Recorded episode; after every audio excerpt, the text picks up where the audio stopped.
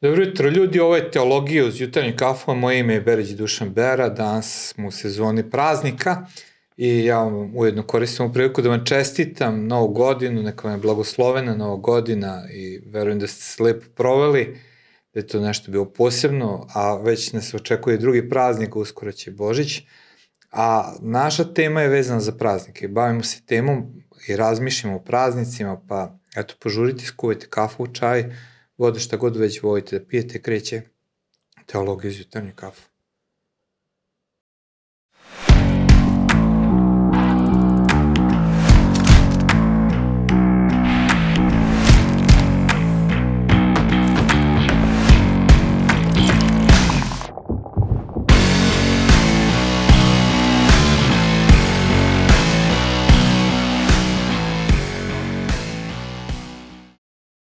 Teologija iz jutarnje kafu želi da približi teme iz duhovnosti a, u svakodnevni život, razgovor sa dva prijatelja i to činimo i danas. Danas pričamo o jesenjim praznicima Svetog pisma. Vidjet ćete o čemu se radi u jesenjim praznicima u Starom Zavetu. Želimo da vidimo šta su to slavili, koje praznike su slavili u Starom Zavetu. A sa mnom je moj dragi prijatelj, teolog, a, gljivar, saradnik, Matej Delač. Matej, dobrodošao. Bolje te našao. E, baš mi je drago da si sa mnom. Ovo, ovaj, do sada smo uglavnom pričali o teološkim stvarima a, u gljivarenju. Tako kad smo išli zajedno. I to, I to je interesantno. I to je potpuno konceptu teologije izvjetanja kafu. Iako je teologija uz gljive. U svakom slučaju, ovaj, to je nešto što nas povezuje osim teologije i Hrista. A, ja uvijek volim da čujem nove, nove ljudi kad dođe da podele svoju životnu priču, kako su oni uopšte odlučili da veruju u Hrista? Kako se to desilo u tom životu? Ok, pozdrav svima uh, i od mene želim blagoslovene praznike svima. Evo ja ću odgovoriti na verno pitanje ukratko. Ja sam odrastao u hrišćanskoj uh mhm. -huh. porodici. Ovaj, znao sam o Hristu, znao sam da je on spasitelj sveta, znao sam da se verom prihvata njegova žrtva i da se verom prihvata Isus kao gospod, ali nekako me to nije... Dok sam bio dete, bilo mi je sve jedno, kad sam ušao na neke tineđerske godine, ovaj, prestalo da me privlači, počeo da me privlači svet. Međutim, on sam shvatio da u svetu nema ništa posebno. Mm. I onda u crkvi, kad sam imao 17 godina, u crkvi, posle nekoliko meseci previranja, je bilo pitanje vrlo jednostavno. Šta tebe sprečava da sad predaš život Hristu? Šta ćeš izgubiti? Ja sam u tom momentu puklo mi pred očima, neću izgubiti ništa. Da, da. A dobit ću zapravo sve. Da, dobit ću da. sve ono što, što svet tvrdi da može da ti ponudi i da ti pruži, a zapravo ne može. Mm -hmm. Tako sam ja u tom momentu ovaj, odlučio prihvatio Hrista i Super. Krstio se dva meseca kasnije. Da, ok, to je bilo znači 17 godina, sad imaš uh, ne mnogo više, ali imaš više, imaš skoro sinove koji su 17 godina. Tako je. Pa tu su negdje. Tako, tako? Imam, imam malo više, da. Da, da, da. Ali oni su koliko? Sinovi su ti sad negdje 15, 16? 15 godina. Da, pa da, da, pretpostavlja se. A, a ti dalje slediš taj podučenik. Zašto? Zašto nisi odustao? Zašto nisi shvatio, e, kako ljudi kažu, to je vera tvojih roditelja, nećeš ti tim putem, nego eto, još uvek si tu. Još uvek si njegov sledbenik. Pa zato što je to na prvom mjestu bila moja lična vera i ostala je moja lična vera. I ono što, što je Hrist ponudio što sam ja shvatio da on nudi, on nije izneverio. Mm. Dakle, on jeste put koji može da se ide, on jeste istina i, i s poznavanjem Hrista i istine koju on pruža, jednostavno može biti došla punina, punina uh, života, unutrašnjeg života i ne samo unutrašnjeg, nego i porodičnog i, i društvenog i crkvenog mm. i tako dalje. Tako da ja nemam ni jedan razlog da kažem Hriste, ti se nisi držao onog što si obećao. Isus mm. drži ono što je obećao i u njemu stalno može da se raste i to je ono što mene privlači. On da. je neiscrpna, neiscrpna istina. Da, i ono, I otkrivaš ga dublje, dublje. Super, pa da. super. Rekao si da je to bila tvoja lična vera. Šta to znači? Mislim da je to jako interesantno i nama jako značajno, ali kako praviš tu razliku? Lična vera, vera mojih roditelja? Pa, jeste to počelo kao vera mojih roditelja. Ja sam od roditelja i čuo prvi put mm. o Isusu Ali onda jednom momentu sam shvatio, pa ok, oni veruju, ali ja ne verujem. I onda dok nije došla ta tačka, ta prekretnica da kažem Isuse, da, ja verujem, to je moja odluka, ja odlučujem da te sledim, zato što sam shvatio da verujem da si ti umro za mene, ne samo za ceo svet, nego i za mene lično. I ja sam to prihvatio lično, zato je to moja vera. Super, super, to mi se baš dopada, jer ovo ovaj, jako je bitno, znači ne sledimo Hrista zbog vere naših roditelja, nego zbog naše vere. Naša tema su praznici i mm, ja sam te zamolio da nešto spremiš na temu praznika tih jesenjih, ali šta, šta, šta tebi bilo značaj, mislim, šta se spremio, šta, šta želiš da nam kažeš? Ok, spremio sam praznik truba, onda drugi praznik Dan pomirenja i praznik Senica. Ono što bih volio da istaknemo kroz, kroz ono što ćemo razgovarati jeste Božija priroda, Božji karakter mm. koji se očituje i možemo isto tako da pogledamo malo Božji naum, Božji plan koji se kroz sve to očituje, koji se delimično ispunio i još se ispunjava. Mm -hmm. Tako da to je neki... Kreni, baš me interesuje da čujem, da. Okay. Ne, ja moram da kažem, ja stvarno ne znam puno, zato sam i zamolio neki ljudi mm -hmm. da mi pomognu, jer ne mogu da kažem da znam puno o praznicima starog zaveta. Ok. Dakle, postoji u starom zavetu, odnosno možemo reći ako postoji u Mojsijevom zakonu sedam praznika koje je Bog propisao, Svi su nastali u 15. veku pre Hrista, znači možemo zajedno sa gledalcima da se vratimo u mislima negde u Sinajsku pustinju, tamo u, u 15. veku pre Hrista.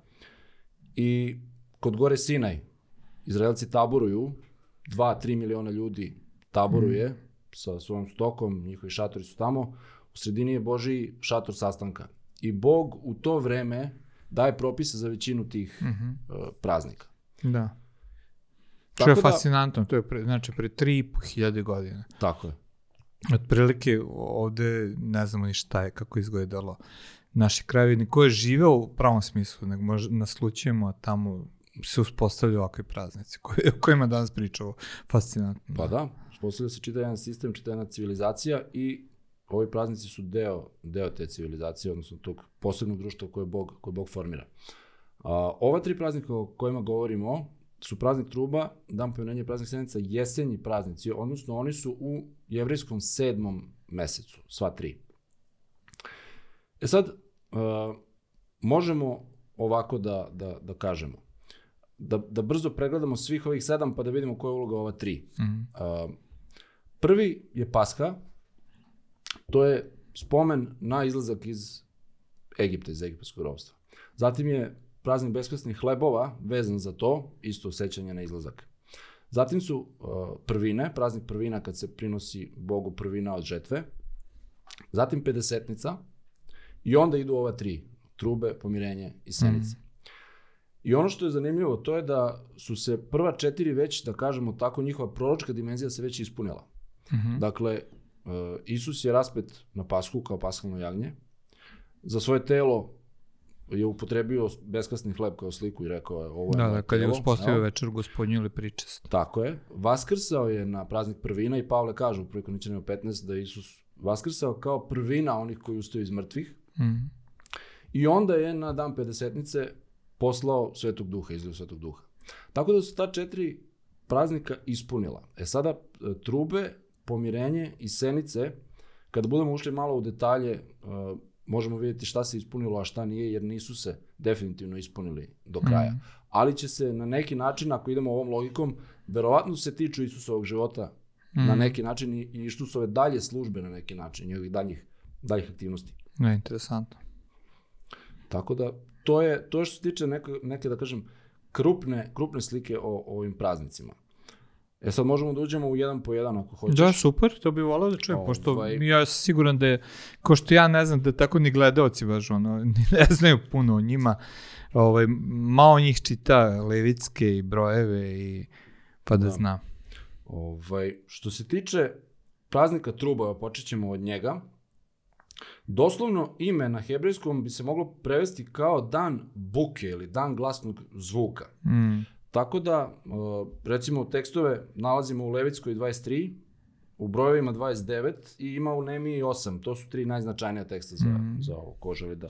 Znači, da događaj u Nemiji 8 se dešava na praznik truba? Tako je. A nisam, a ja sam no. mislio da je nešto drugo, super. Prvi, prvi sedmi, jer to da, je datum, da, da. datum kada ovaj, je propisan taj praznik. I kaže, znači, da taj datum treba bude subotnji odmor, to je prvo, treba bude spomen, treba da bude trubljenje i sveti sabor. To su četiri mm. elementa koja su, koja su uh, važna. Subotnji odmor, to je specifična reč uh, šabaton, koja znači baš subotnji odmor. I vratit ćemo se na, na temu subote kada budemo govorili o ispunjenju.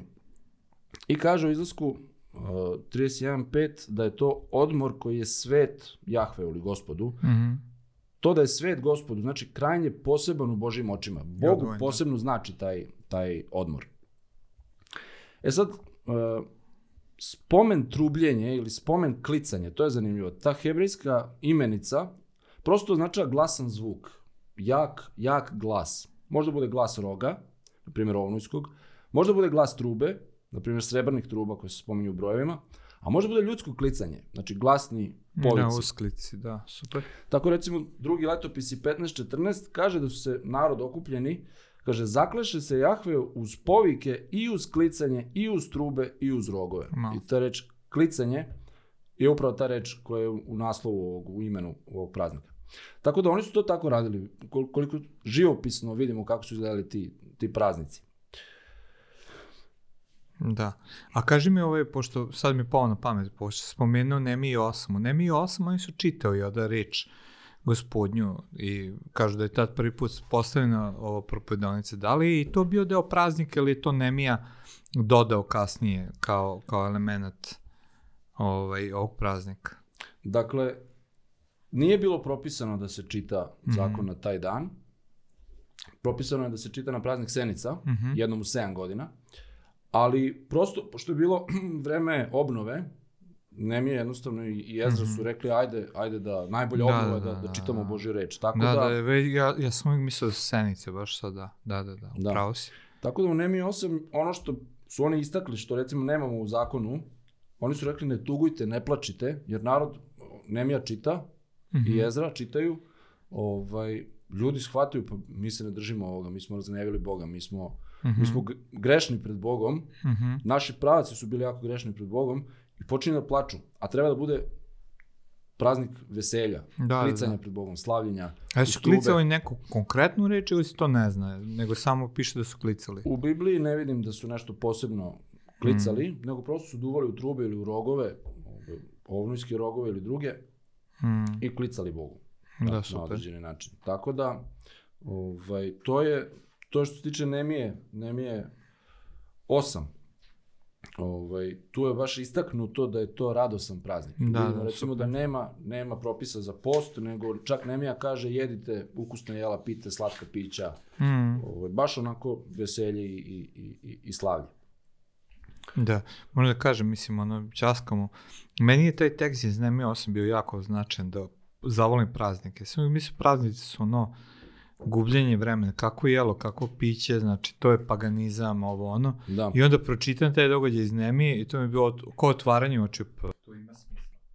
Ta radost, deljenje hrane, gostiju, biblijska i bio ono, naš, kad ti se otvore oči, tras, ono. Pa jeste. Informaciju koju nisam nikada procesuirao do tog momenta, da je to ispravno.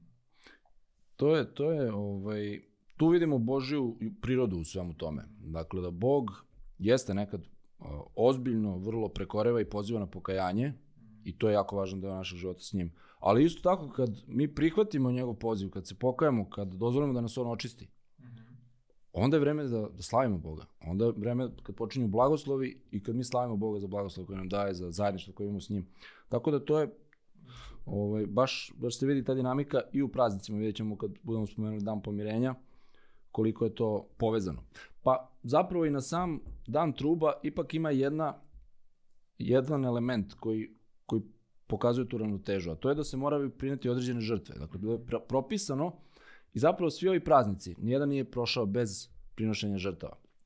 Zato što temelj svega što Izrael radi u životu sa Bogom su bile žrtve kroz koje su primali, krvne žrtve kroz koje su primali oproštenje. Tako da tu postoje detaljni, ovaj, detaljni propisi o tome kakve žrtve treba da, da prinesu.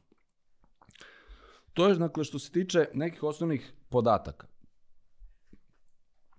Koji je sad značaj svega ovoga? Eto, spomenuli smo. Šta kakav je značaj? Pa kad, pogotovo kad razmišljamo o starozavetnim tekstovima, običajima, Uh, nekad nam je to daleko, pogotovo danas kao hrišćanima. Pre svega gledamo šta nam otkriva Bogu. Dakle, šta to sve što je Bog propisao i što je tražio, što je zapovedio, šta to pokazuje, kakav je on? Pa vidimo da je on Bog koji voli radost, koji postiče radost. To je recimo jedna od stvari koju jasno, jasno vidimo. E sad, duvanje u trube je tu bio spomen. I to je ono što je, što je deo značaja. I ono što je meni bilo zanimljivo kad sam se spremao, podsjećaju Boga na Izraelce, to je prva dimenzija. Dakle, kad oni duvaju trube, kad kliču, kad duvaju rogove, oni privlače na neki način Božiju pažnju na sebe. To ne znači da Bog nije njih svestan. Ali Bog je rekao, kad budete dunuli u brojevima 10, kada, na primjer, u, u svojoj zemlji polazite u boj protiv dušmana, kaže tako, dunite u trube i setit će vas se Jahve vaš Bog i bit ćete spaseni. To ne znači da on nije s njima pre toga. Jeste, ali oni na taj način, duvanjem u trube, iskazuju svoju veru, da, Bože, verujemo da ćeš nas vidjeti, da ćeš nam pomoći. Kao formu molitve neke. Bukval, bukvalno to, kao, da. kao megafon za, za molitvu, dakle, na, na, na taj način. Isto je rekao, dunite u trube, kad god prinosite žrtve, recimo na mlad mesec, jer oni su svakog prvog u mesecu prinosili određene žrtve, a mlad mesec označava prvi, prvi uvek kod njih, ovaj, dunite i ja ću uh, videti te žrtve i one će biti, onda kaže, te žrtve će biti spomen na vas pred Bogom. Tako da, uh, te trube funkcionišu kao spomen na Izraelce pred Bogom, ali i obrnuto. One treba podsjetiti Izraelce na Boga. Recimo, prvo mesto gde se spominje bilo kakav duvački instrument, dakle rog ili truba. Inače, u grčkom prevodu starog zaveta sve je prevedeno istom rečju koja znači truba. I rog, ovakav i onakav i, i ovaj, srebrna truba, sve se zove istim imenom u grčkom i posebno je ta reč ušla u Novi Zavet. Um, prvo mesto je kad je Bog sišao na goru Sinaj. Pre nego što će im dati deset zapovesti, pre nego što će im dati zakon. Kad je Bog sišao na Sinaj, kaže tamo da između ostalog bile su munje i gromovi i glasno o, zavijanje roga. I onda oni svaki put kad se okupe na taj praznik, jer to je trebalo da bude sveti sabor, dakle oni trebalo da se saberu, okupe, duvaju trube i to treba da ih podsjeti, aha, pa mi smo čuli ovakav sličan zvuk vrlo skoro. A to je kad smo bili, kad smo slušali Boži glas i čuli deset zapovesti. I kada nam je dao zakon i kad smo sklopili s njim savez, jer to je... Bože, nije radostan moment, to je bio inicijalno za njih, ali da, da Oni su se uplašili isprva. Da. Oni su se, pa, s jedne strane, da, to su opet, to je ta ravnoteža koju Bog, uh, čini mi se, stalno održava. Mm. On je došao na zastrašujući način. I čitava njegova pojava, uključujući te rogove, bila je zastrašujuća. Kaže Mojsije, to je zato da biste, da bi Boži strah ostao na vama, da mu ne grešite. Zašto je to Bog uradio? Pa zato što je to na kraju najbolje za njih. Ako mu budu verni, on će ih blagosiljati. Mislim, kao, kao otac kog se dete plaši, ne plaši se ako je sve u redu. Ali kad nešto zgreši, kad nešto da, skrivi, da, da. Dete, dete ima razlog za strah. To je... Interesantno da u tom momentu radosti postoje podsjećanje, to je super primetio. Da nisam razmišljao o tome. Mm, da. Ima moment radosti i moment dopomene koji je povezan. Da, super. Pa da. Tako da to je recimo jedan, jedan ovaj, primer na šta njih može da podsjeti zvuk, zvuk roga, jel? E sad, um, kako godine idu, tako oni mogu da se sete praktično sve većeg i većeg broja stvari u životu sa Bogom. Naprimjer, ne znam, Jerihonske zidine su pale zbog zvuka rogova, jel? Uh, kako idemo redom, ne znam, carevi su oglašavani, novi car je oglašavan, uh, duvanjem u rog, povratak kovčega Saveza u Izrael, proslavljanje s trubama, s klicanjem. Uh, recimo kad je novi žrtvenik postavljen drugog hrama Ezra, kad ga je postavio Ezri 3, opet to je bilo na praznik truba, uh, isto su duvali u trube. Tako da, gde god se okrenemo u, u starozavetnoj istoriji, vidimo neki događaj koji mogu bude povezan na neki način sa nekom trubom koja se tu čuje. Da li je to neki boj, da li je to neka prekretnica, neka obnova. Sve je to jednostavno uh, povezano bilo i kako istorija ide, oni sve više i više imaju razloga. O, materijala za sećanje o svom životu sa Bogom. To je ceo dan. To je praznik koji nije proslava dva sata. Da, da, da. To traje ceo dan, oni imaju vremena i da razgovaraju o tome i da se sećaju. Pre neki dan smo mi za stolom, ja sam spomenuo da se spremam i moj sin odmah kaže, pa sigurno su se setili Jerihona. Pa rekao, sigurno jesu. Tako da, Je bukvalno bilo kao podsjećanje na sve ono što Bog jeste. To, to, to, to je poenta što, što hoćeš da kažeš. Da je kroz to trubljenje je dolazilo sećanje na sve što Bog je učinio silom za njih. upravo to. Dakle, i kroz to oni vide kakav je Bog. Bog je ratnik koji se bori za njih. Bog je na njihovoj strani. Bog ih čuje. Bog se bori za njih i kada su napadnuti i kada napadnaju i, i tako dalje. Bog je tu u svakoj obnovi. I oni na taj način sećaju Božje prirode i to je, to je ono što mi možemo u ovakvom a, tekstu da, da, kažem, iskoristimo i da upoznamo Boga kroz to. Jer ovo nisu propisi za nas direktno, nisu zapovesti za nas direktno kao što su bile za, za njih, ali možemo da, da, naučimo to je Boga. Da. baš mi interesantno to što pričaš. Šta je bilo neko novozavetno ispunjenje? Šta tu vidiš? Šta je paralel? Mislim, jasno je ovo nešto, veoma je praktično za nas. Meni je praktično, samo mi mozak radi dok pričaš. Pa da, Ali, ovaj, ali šta je bilo novozavetno? Gde vidiš ispunjenje ili šta, kako si rekao, da tek treba da se ispuni? Što se tiče novog zavetnog ispunjenja, recimo Kološarima 2, 16 i 17, Pavle tamo njima kaže, nek vas niko ne osuđuje zbog jela i pića i tako dalje, ili praznika i tako dalje. I kaže, to je samo senka onoga što dolazi, a stvarnost je Hristos. Ili doslovno piše, a telo je Hristos. Mislim da je to slika tela koje dolazi i prvo vidimo senku, a tek onda vidimo telo. Tako da, kada gledamo ove praznike, sam Pavle kaže, oni su slika ili senka Hrista. Uh, ja koliko vidim, ovaj praznik se još nije ispunio. Dakle, to je neko moje shvatanje. Ja nisam dogmatičan po tom pitanju, to je prosto trenutno moje, moje shvatanje. Uh, ali ono što znamo, to je da će Isus doći na zvuk trube. Da, da. Dakle, prvo Solunjanima 4.16 kaže, sam gospod će na zapovest, doslovno na povik, na glas arhanđela i na zvuk Božje trube sići sa neba. I tu su zanimljive ove reči. Povik, glas arhanđela i Božja truba. Dakle, e, Mm, svi elementi to, klicanje i... Upravo to. I znamo da čak i, i glasovi anđela podsjećaju na trubu. Jovan je u otkrivenju, mm. kad je čuo anđela, mislio da čuo, odnosno rekao da ga podsjeća na, na, na trubu. Kaže na zvuk Božije trube. Tu se vjerojatno misli na Zahariju 9.14, tamo, to je, koliko znam, jedino mesto da piše da će Bog dunuti u rog. U momentu kada bude došao da se bori za Izrael, verovatno, verovatno ovaj, na samom kraju. Tako da, isto tako vidimo da je Jovan u otkrivenju 19 video Isusov povratak e, na konju sa vojskom, dakle došao u boj kao ratnik da se bori protiv Izraelovih neprijatelja koji su napali Jerusalim. Tu se u otkrivenju u tom tekstu, u otkrivenju 19 ne spominje se izričito truba. Ali verovatno je to sve vezano za Zahariju 9.14. Dakle, mm. Kao što je truba bila vezana za boj u starom zavetu, tako i kad Isus dođe na zvuk trube, to će biti zapravo moguće ratna truba. Onda, šta još znamo? Isusovi izabrani će biti sabrani na zvuk poslednje trube.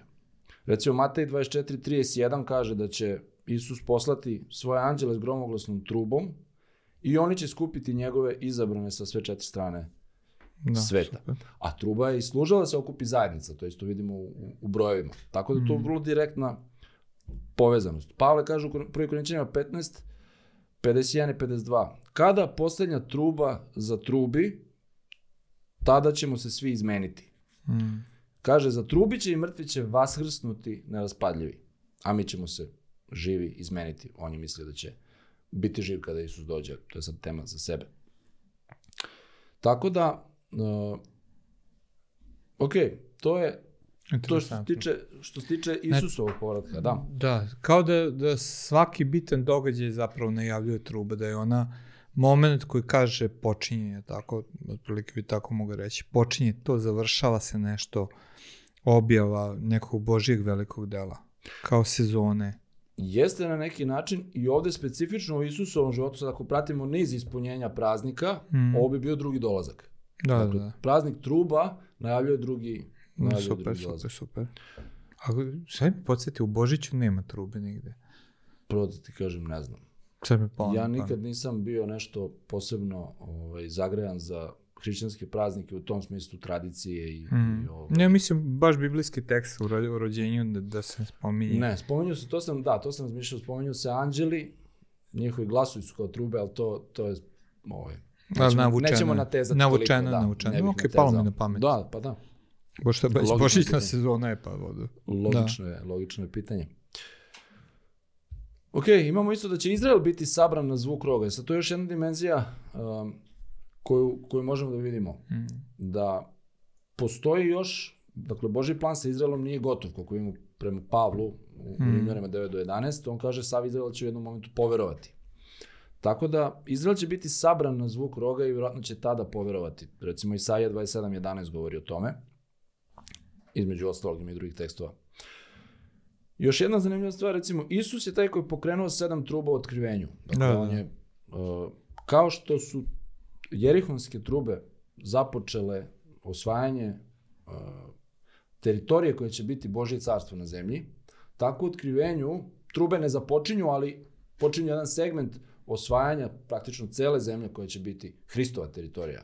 Ako uzmemo da je hiljugodišnje carstvo doslovno. Ja ni tu nisam dogmatičan, ali najviše, najviše naginjem tome. Slažem se. Da. Slično razmišljamo kod toga, definitivno. Ovaj, I evo, ovim bi završio oko praznika truba. Uh, da li to sve znači da će Isus doći na praznik truba? Jer razapet je na pashu, Mm. vaskrsao na prvine, poslao duha na pedesetnicu, pa ja mislim da, da ne. Odnosno, ako i hoće, ne, ne bismo smjeli to da tvrdimo, jer on je rekao, niko ne zna, Ne ni, znam dan, ka- da. ni dan, ni čas. Mm. Ako tvrdimo da će doći na trube po toj logici, onda tvrdimo da znamo dan. A To je baš nav, navučeno, ali jako interesantno da si po ovoj faci. da, Znaš, on tng, jer znaš neki, kad bi ono- neki to kažu, neki tvrde Da. doći će na, na 50-nicu, neki tvrde doći će na trube. Mm. A, ja se ne usuđujem da kažem ni jedno ni drugo, Da, da, da. zato što on rekao da ni Da on sam mi ne znamo. da ni on sam ni on ne zna dan. da, tako da, da, da, da. a ovo je vrlo specifičan dan, tako da bi Da, to da, bilo... ovo je interesantno, interesantna misao, da. Da. Eto, to je što se tiče praznika ovaj, truba, ukratko šta sam ja Super, pripremio, super. ako imaš još neko pitanje, Ne, ne, ne- super mi je neku bilo. reakciju, Sad sledeći ovaj, dio da dan pomirenja je on deo praznika trube se nastavlja ili kako je išao dan pomirenja kao sledeći praznik? Dakle, praznik truba je bio prvi sedmi. Dobro. Dakle, ne naš sedmi, nego njihov sedmi. Mhm. ovaj, to je, ove godine je to bio 25. septembar. Da, da, da. Tako su otprilike dva i po do tri meseca je... Oni su računali sve mesece, kako se to već najavio, lunarno, znači na osnovu mladog meseca, Tako je. kad je početak meseca, tako je. A dan pomirenja je 10. sedmi, dakle Mhm. 10 dana kasnije. A između nije postojao ništa, nego bi prosto bio povezani samo u istom mesecu. Da, da, između ne, nije propisano ništa. Ništa Da. bilo, da. Jevreji tradicionalno se kaju te dane, pripremaju se za dan pomirenja, zato što Da, on jeste ovaj, dan za kajanje, ali nije, nije propisano ništa tog Mm. u, tom, u tom smislu. Da, možda, mislim, o danu pomirenja smo spremali se, već nešto sam pričao. Mhm. Ima još treći praznik, je tako? Da, ima ovaj, praznik Senica. Da, Senica. Tako da možda možemo kroz pomirenje samo kratko, ako je nešto želiš Možemo. baš da naglasiš, a Možemo. da idemo na Senice, pošto su na Senici značajnije u ovoj priči. Mislim, ni- čak ono, prosto obradili smo ga dosta dan pomirenja. A, Da. Ok, uh, Jedino ako Dan onako ti se pomirenja- nešto povezuje sa ova, ne, ova dva dan praznika. pomirenja je ogromna tema, o njemu bi moglo da se priča jako Bukvalno, puno, da. tako da ovaj, izuzetno Mislim da ćemo značajan, to i uraditi kao celu temu, zato i razmišljam možda da... Ovaj, izuzetno je značajan na, na jako puno nivoa i to ovaj, ja sada ne bi onda ulazio uh, previše, osim što bih povezao sa ovim ispunjenjima mhm. na određeni način. Znači, Dakle, tog dana oni su prinosili žrtve, možda samo da spomenemo, radilo se o dve žrtve, gde je sveštenik prinosio prvu žrtvu za sebe, je tako? tako je, I onda je prinosio žrtvu za narod, gde je jedna bila prinesena na, na, na oltar, a druga je bilo jarac u kome bi bio izrečeni gresi naroda, koji je bio posad u pustinju. Tako Otprilike, je. to, je, to je bio obred i predstavljao sliku. Ali šta si krenuo za ispunjenje, to, to me više interesuje. Ovaj, dakle, ono što je smisao u starom zavetu, to je, da kažem, kruna, vrhunac starozavjetnog žrtvenog sistema i tada se vrši očišćenje od greha na nacionalnom nivou. Da. I to očišćenje od svih greha. Mm. Uh, I nehotičnih i hotimičnih, osim verovatno za prkosne grehe. To je posebna kategorija, sad da, da ne širimo temu, ali uh, to je dakle bio glavni nacionalni dan očišćenja, kada se Izraelci čiste od svih greha, od sve nečistoće obredne i od sve svoje pobune. I oni su posle tog dana, pod uslovom da se, da se kaju pred Bogom, čisti. Uh, Isus je ispunio taj praznik i to je to zapravo delimično je ispunjeno ono što je, što je proročka dimenzija ovog praznika. Ispunjeno je time što poslanica Jevrejima detaljno govori o tome da je Isus naš prvosveštenik i da je on kao prvosveštenik budućih dobara ušao ne U u, zemaljski šator, nego u nebeski, ušao u svetinju nad svetinjama pravu, a ne zemaljsku, i dakle pr- prineo svoju krv u svetinja svetinjama na nebu. I tako je jednom za svakda izvršio obred pomirenja ili očišćenja od greha za sve grehe, za sve nas, za sva vremena. Mhm. Ono što mi radimo to je da svakodnevno primenjujemo tu žrtvu, ali nema potrebe da se žrtva Da. nanovo uh, prinosi. E sad, to je, i to je ispunjeno. Dakle, smisao tog uh, praznika i smisao tog, tih obreda je na taj način ispunjena da bolje nije mogla biti. Dakle, potpuno ispunjenje ne postoji. Problem je što Izrael to još nije prihvatio kao narod. Uh, dakle, prihvatili su neki Izraelci, odmah, Mesijanski. odmah u startu i dan danas postoje mesijanski jevreji, ali uglavnom su to prihvatili uh, paganski narodi kao što smo mi, Da, da, da. ovaj, mislim kao što smo bili. Uh, ali ostaje da Izrael to, da Izrael to prihvati. Mhm. Tako da, uh, delimično je dakle ispunjeno, ali se još čeka da se ispuni, Što se tiče Izraela. što se tiče Izraela. Tako da, Da.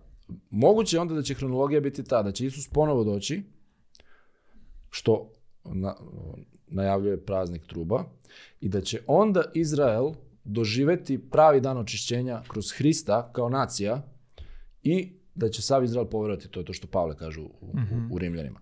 Tako da, moguće da će to biti deo tih razvoja događaja u posljednjim danima, Mhm. kada, kada Hrist dođe. Jako interesantno. Tako da, eto, to je što se tiče ispunjeno Da. ukratko. ovaj, Ajde samo da- po, pitanje neko koje mene kopka. Mhm. Znači, pošto se pojavljuju dve žrtve u danu pomirenja, da li obe žrtve po tebi predstavljaju sliku Hrista? Znači, ona koja se odvodi u pustinju i ona koja je žrtvovana krvno ili... Ja mislim, ja mislim da na određeni način da. Iako e, ne vidim da je negde Isus poistovećen sa, tom, sa tim živim jarcem na kojeg se, koji se šalje u pustinju, ono što mislim da je paralelno, to je dakle taj prenos greha. Mhm. Prosveštenik stavlja ruke na glavu jarca, ispoveda, priznaje sve grehe Izraela, svu njihovu pobunu i kaže tamo, doslovno prenosi na taj način njihove grehe na tog jarca i onda on ide u pustinju, tamo ga odvode da, da tamo umre. Čak su kasnije, da se ne bi vratio, uveli da treba da, da taj čovjek koji ga vodi ga gurne sa litice, da bi bili sigurni da je umro. Uh, tako da u tom smislu, ja mislim da taj drugi jarac jeste isto praslika Hrista po tome što uzima grehe Mhm. naroda, kao što Isus na sebe uzeo naše grehe, kao što Mhm. kaže u Isaiji Ja, ovaj, interesantno. 53. Da. Jako interesantno. Hvala ti. To mi je onako nešto što mi je ono kopka ovih dana. E, nekako nikada nisam razmišljao da obe, obe žrtvene životinje su tu bile slike, slike ovoga Hrista. Super. I dolazimo i onda do, do ovoga Senica, Tako je. koje je jako interesantno. Ovo stvarno interesantno, ono, baš će morati više ovaj, da mi pričaš tako mi radi mozak. Morat ću više da se posvetim ovim praznicima, da ih bolje razumem. Pa meni je ovo bilo ovaj, otkrivenje dok sam se spremao, jer ja sam ti rekao isto, nisam ovaj, baš jak sa, sa praznicima. Neke znam, Pasha i, i Dan pomirenja, tu sam držao predavanje iz Izlaska i iz Levitske, tako da tu ovaj, vladam solidno, ali o- trube recimo nisam skoro ništa znao i Senica isto. Isto malo i ovaj, onda isto meni kad se otvorilo, baš je, baš je blagoslov. Ok, završni praznik u toj jesenjoj se- seriji je bio Jodesenica. Tako je, dakle, praznik Senica ili neki prevodi kažu praznik Koliba ili još se zove i praznik Berbe. Mm.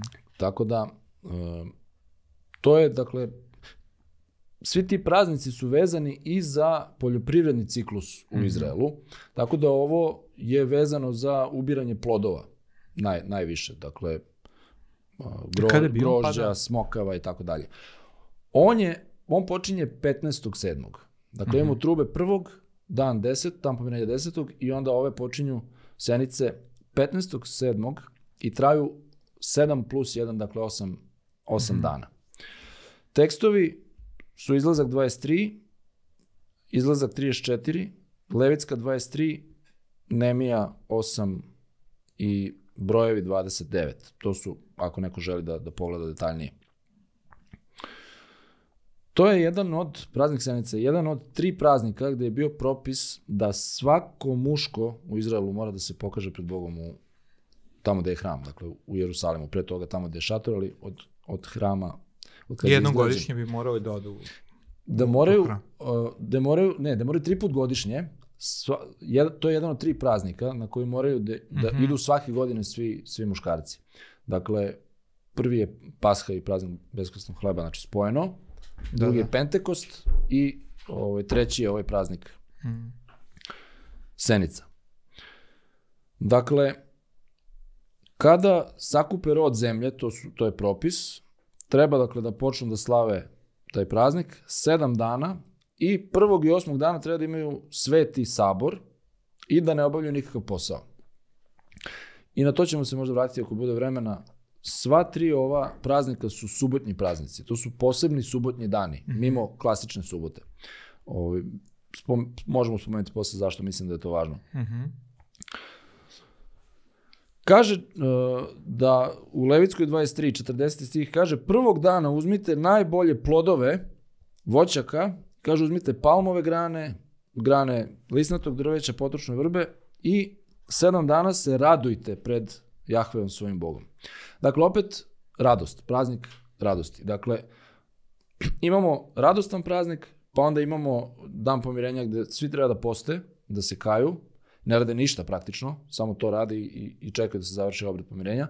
I onda ponovo ide radost. Radost. I to je ono što smo i na početku spomenuli, dakle, uh, to je redosled kod Boga. Prvo treba da se rešimo i očistimo iz svog života svega onog što je prepreka između nas i Boga, svaki greh, svaka nečistota, a onda, kada znamo da nam je oprošteno, onda je vreme za Da se radujemo. za radost. I kaže, ovaj, 42. stih, da svi rođeni Izraelci sedam dana žive u senicama. Dakle, senice to su kao bivaci što se prave, ili tako, dakle, uzimaju te... Drveta. Pa da, uzimaju te, uzimaju te grane i prave na brzinu nekakve senice, u kojima treba da žive sedam dana. Kaže, zašto? Da bi vaša buduća pokolenja znala da sam učinio da Izraelci žive u senicama kad sam ih izveo iz Egipta. Dakle, opet je u pitanju spomen. Da buduće generacije ne zaborave šta je Bog učinio prilikom izlaska iz, iz Egipta. Isto treba da prinesu određene žrtve i ove su žrtve vrlo zanimljive. Uh, žrtvu paljenicu kaže prvi dan od 13 junaca, dva ovna i 14 muške jagnjadi. Sve mora da bude bez mane. To svaka ta žrtva je slika Hrista i zato mora da bude bez mane. I onda šta je zanimljivo? Uh, drugog dana ide 12 junaca, a sve druge životinje isti broj.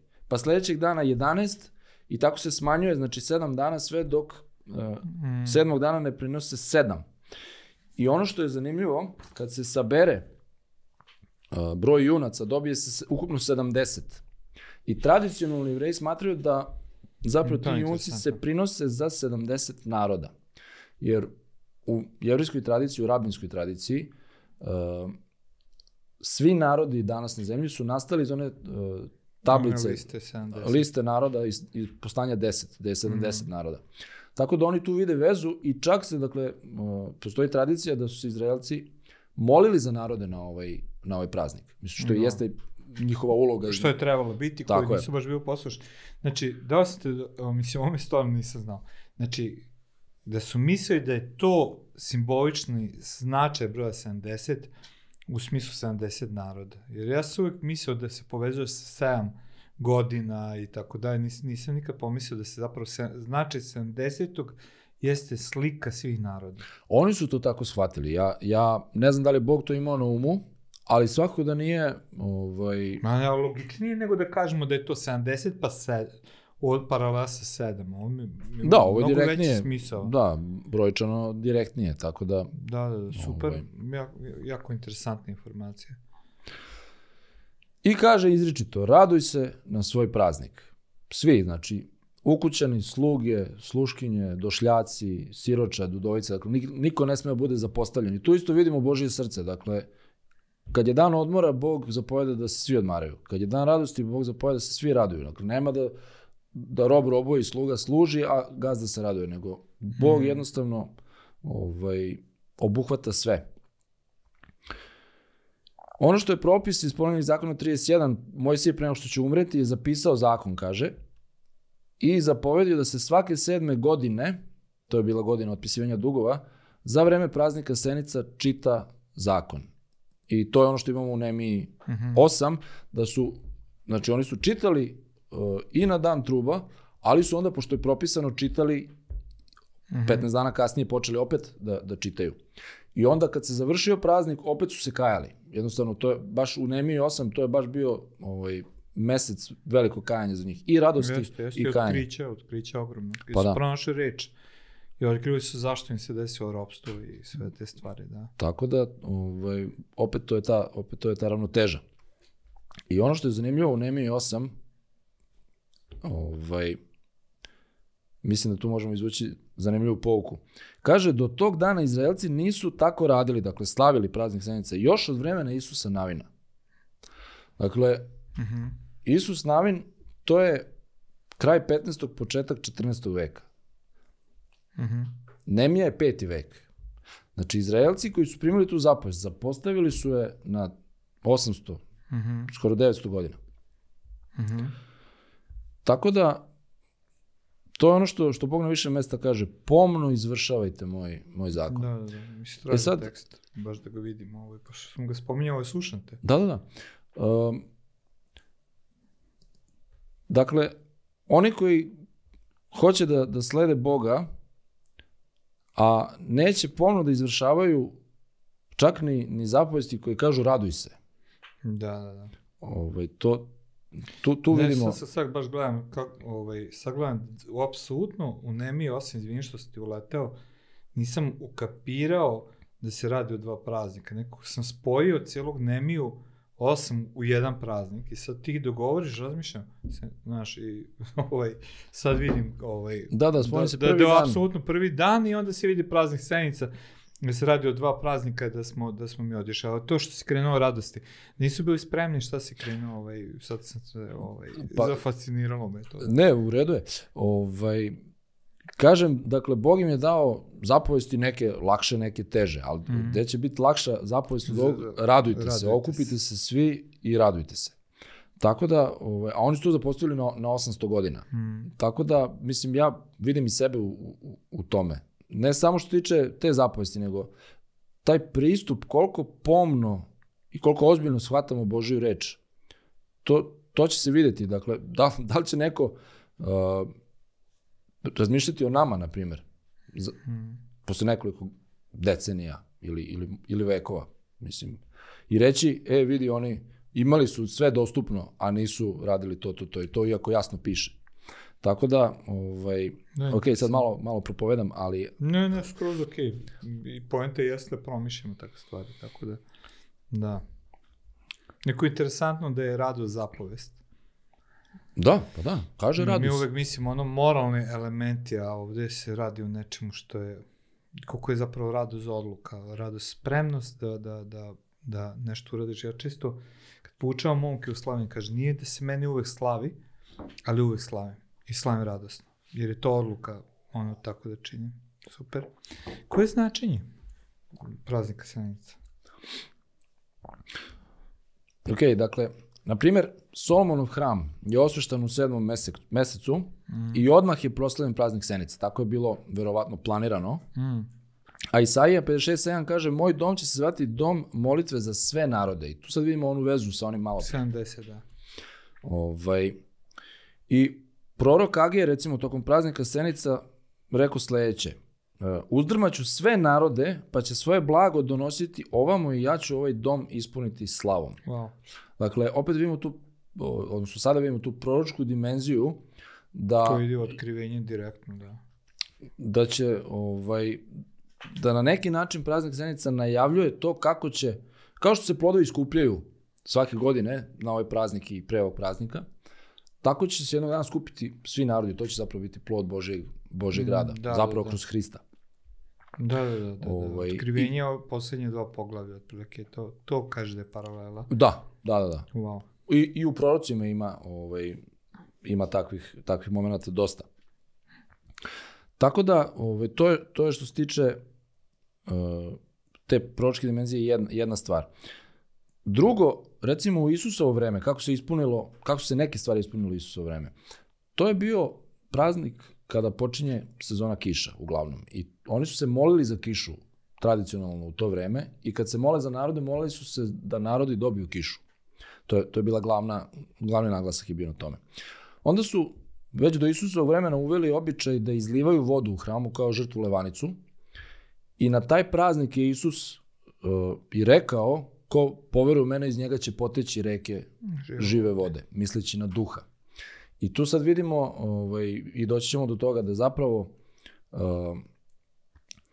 ono što su bili materijalni blagoslovi u Izraelu, plodovi, kojim je Bog obećao, to zapravo ukazuje na blagoslove Novog Saveza, a to je, to je Sveti Duh i njegovi plodovi. Jer Pavle kaže u Galačanima da zapravo verom u Hrista dobijamo obećani Avramov blagoslov, a to je Duh Sveti.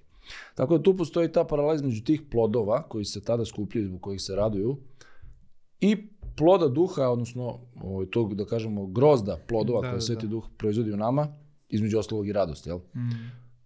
Tako da i to je, to je na neki način proročko, proročko predskazanje o blagoslovima novog, novog Super, saveza. super, super. Šta bismo još kratko mogli da kažemo o, o, o tome?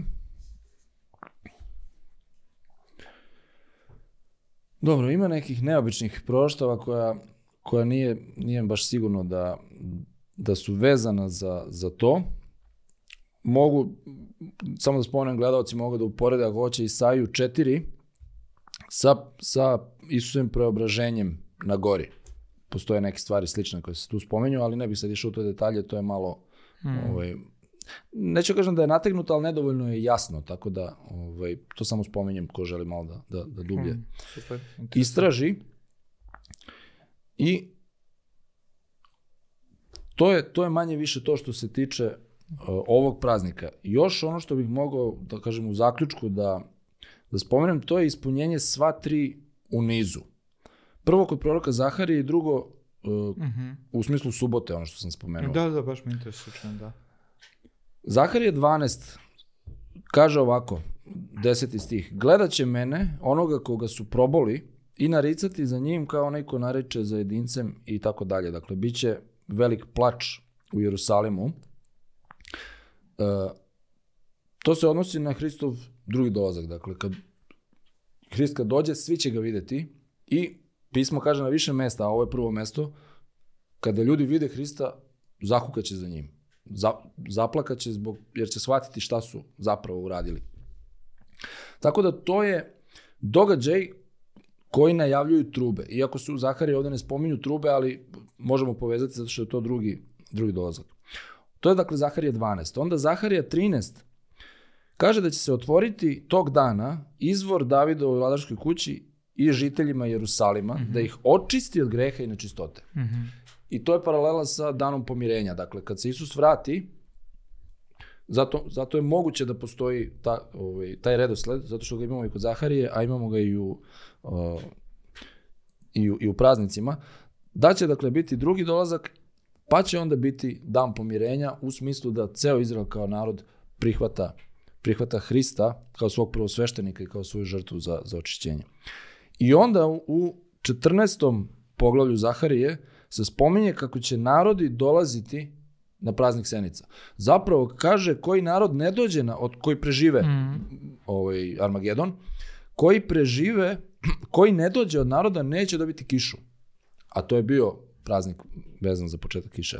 Tako da imamo taj, taj redosled. Da, jako interesantno. To je zanimljivo za, za istraživanje. Opet kažem, ja kad sve ovo govorim nisam dogmatičan da mora to biti. Baš da, ali ima interesantni stvarno, ovaj, može cijela serija da se napravi na osnovu ovih praznika. Pa u suštini da. I još jedna stvar uh, koju mogu da kažem ovako na, na kraju, to je da su sva tri ova jesenja praznika subotnji praznici. Da, da, da, to si rekao za subotu da je značajno. Dakle, osim redovne subote, tu je bilo propisano da svaki, o, dakle, dan truba je subotnji odmor, uh mhm. -huh. Dan pomirenja je isto subotnji odmor i prvi i osmi dan senica subotnji odmor. A u Jevrejima 4.9 kaže Božijem narodu predstoji subota. subotnji počinak. I kaže, ostaje da neki uđu u počinak. I kaže, u počinak ulazimo mi koji smo poverovali. I kaže, ko uđe u Božiji počinak, odmorio se od svojih dela kao i Bog od svojih. Da. A Pavle Riljanija kaže da zašto Izrael nije dostigao pravednost? Pa zato što nije se trudio da ga dostigne verom, nego delima. Tako da, kaže u Rimljanima 11 Pavle da će deo Izraela biti okoreo dok ne uđu pagani u punom broju i onda će se spasiti sav Izrael. Dakle, uh, možda su to sve subotni praznici, jer Izrael treba da shvati da je Hrist zapravo njihova subota, da ne treba svojim delima, nego njegovim delom da se očiste, da se opravdaju i da će oni tada zapravo, kada njega prihvate kao prvosveštenika i kao svoju žrtvu, ući u taj pravi subotni počinak koji predstoji Božem narodu. A koji mi doživljavamo kroz Hrista Isusa koji umre za nas i verom uđemo u počinak. Super Tako si našao paralelu. Hvala ti puno. Meni je bilo jako interesantno da te slušam. Znači, tema kada nešto ne znaš puno i stvarno si mi nekoliko novih ovaj, oblasti. Niko me najviše fascinira ovo 70 nedelja, stvarno mi je fantastično objašnjenje. A da ne pričam o trubama, baš su mi onako zam, z, omilao mi taj prasnik, nekako razmišljam kako bi ga praktikovao na neki način. A, ovo je priča teologije iz jutarnju kafu, dragi prijatelji, samo je bio Matej Delač, teolog, prevodilac je tako, tako je. mnogih a, knjiga, a, čovek koji stvarno poznaje sveto pismo, ako nešto mogu da kažem za tebe, znam da, da si čovek koji voli i poznaje pismo, A cilj cijele ove serije, dragi gledalci i slušalci ili prijatelji koji pijete kafu sa nama, jeste da vam pokaže da praznik nije samo sesti i jesti, iako sesti i jesti ima značaj, kako smo vidjeli u Svetom pismu, nego nam govori o nama, o našem odnosu sa Bogom i onome šta treba da dođe. Pa tako dok iščekujete Božiću i koji iščekujete, ja vas pozivam a, da tako i doživite ovaj praznik koji je pre vama, da postavite pitanje u čemu je značaj, i kuda vodi sve to što radite. Da li vas vodi bliže Bogu ili ne. Ovo je bilo iz jutarnje kafu. Vidimo se.